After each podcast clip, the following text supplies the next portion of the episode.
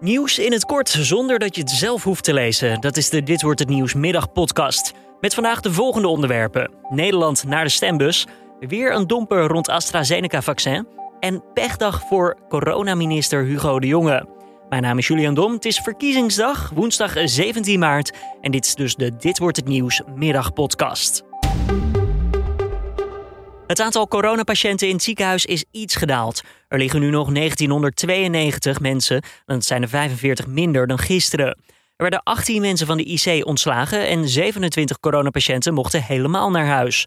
Ondertussen ligt in Nederland en enkele andere landen het vaccineren met de AstraZeneca-prik tijdelijk stil. Maar de Wereldgezondheidsorganisatie roept nu juist op om wel door te prikken. De voordelen wegen namelijk zwaarder dan de risico's.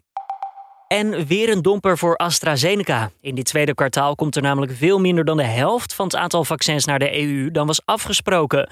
Maar 70 miljoen van de 180 miljoen doses die waren beloofd. Het is de zoveelste afspraak die AstraZeneca nu niet nakomt. Wel is er ook nog goed nieuws. Andere farmaceuten houden zich namelijk wel aan de contracten. En daardoor zijn er naar verwachting in het tweede kwartaal alsnog 360 miljoen vaccins beschikbaar in Europa. Veel mensen wisten kort voor de verkiezing nog niet wat ze gingen stemmen. Volgens RTO Nieuws besluit zelfs 4% van de kiezers onderweg naar het stemhokje pas op wie ze zullen stemmen. En die twijfels waren ook terug te zien in de stemwijzers. Die werden namelijk gisteravond nog eventjes massaal ingevuld. Tijdens het slotdebat werd de stemwijzer van ProDemos bijvoorbeeld nog 90.000 keer ingevuld. En dat is twee keer zo vaak als bij de verkiezingen in 2017. En dan nog eventjes de opkomst. Ja, tot kwart voor twee vanmiddag lag die op 42 procent, schat onderzoeksbureau Ipsos, die er onderzoek naar doet in opdracht van de NOS. En het is deze woensdag een behoorlijke pechdag voor coronaminister Hugo de Jonge. Eerst probeerde hij vanochtend te stemmen met een ongeldig identiteitsbewijs. En dat lag toen aan zijn eigen onoplettendheid, liet hij weten. Wij zijn niet super geordend thuis, dat moet ik er wel even eerlijk uh, bij zeggen. Dus wij hebben die dingen hebben we in een bak liggen.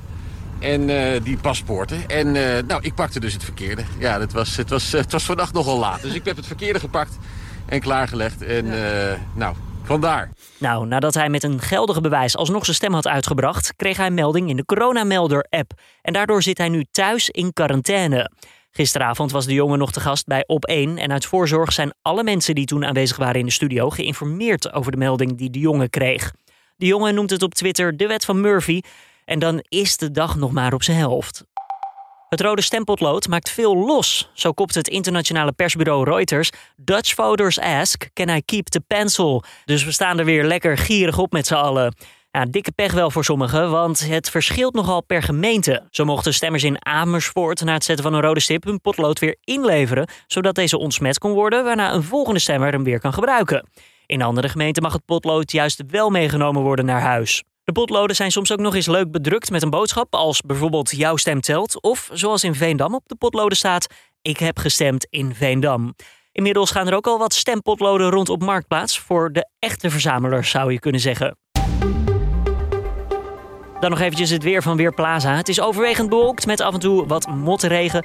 Nu en daar klaart het ook eventjes op en het wordt maximaal zo'n 8 graden vandaag. Later neemt het aantal buien af. Vanavond blijft het op een enkele bui na droog en morgen is het grijs en druierig. Om af te sluiten nog even tragisch nieuws over de wolvin die begin deze maand werd doodgereden op een drukke weg bij Ede. Ze was namelijk zwanger van maar liefst acht welpjes. Dat blijkt uit de autopsie.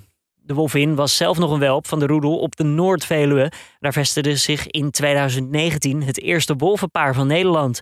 Ja, deze wolvin die werd verliefd op een wolf uit Duitsland waar ze zich mee nestelde in Gelderland. Helaas kwam die wolvenliefde dus vroeg ten einde. En dit was dan de Dit Wordt Het Nieuws podcast van deze woensdag 17 maart. Tips of feedback zijn altijd welkom. Laat ons weten via podcast.nu.nl. Morgenochtend praten we hier verder bij met Edo van der Goot, ons politiek verslaggever, over de verkiezingsuitslag. En vrijdag een uitgebreide, ja, misschien weer een uur durende analyse over de verkiezingen. Heb je nog vragen voor ons politieke team? Laat dat dan natuurlijk ook eventjes weten via podcast.nu.nl. Ik wens je voor nu een fijne woensdag. Ga stemmen als je dat nog niet hebt gedaan. En tot de volgende weer.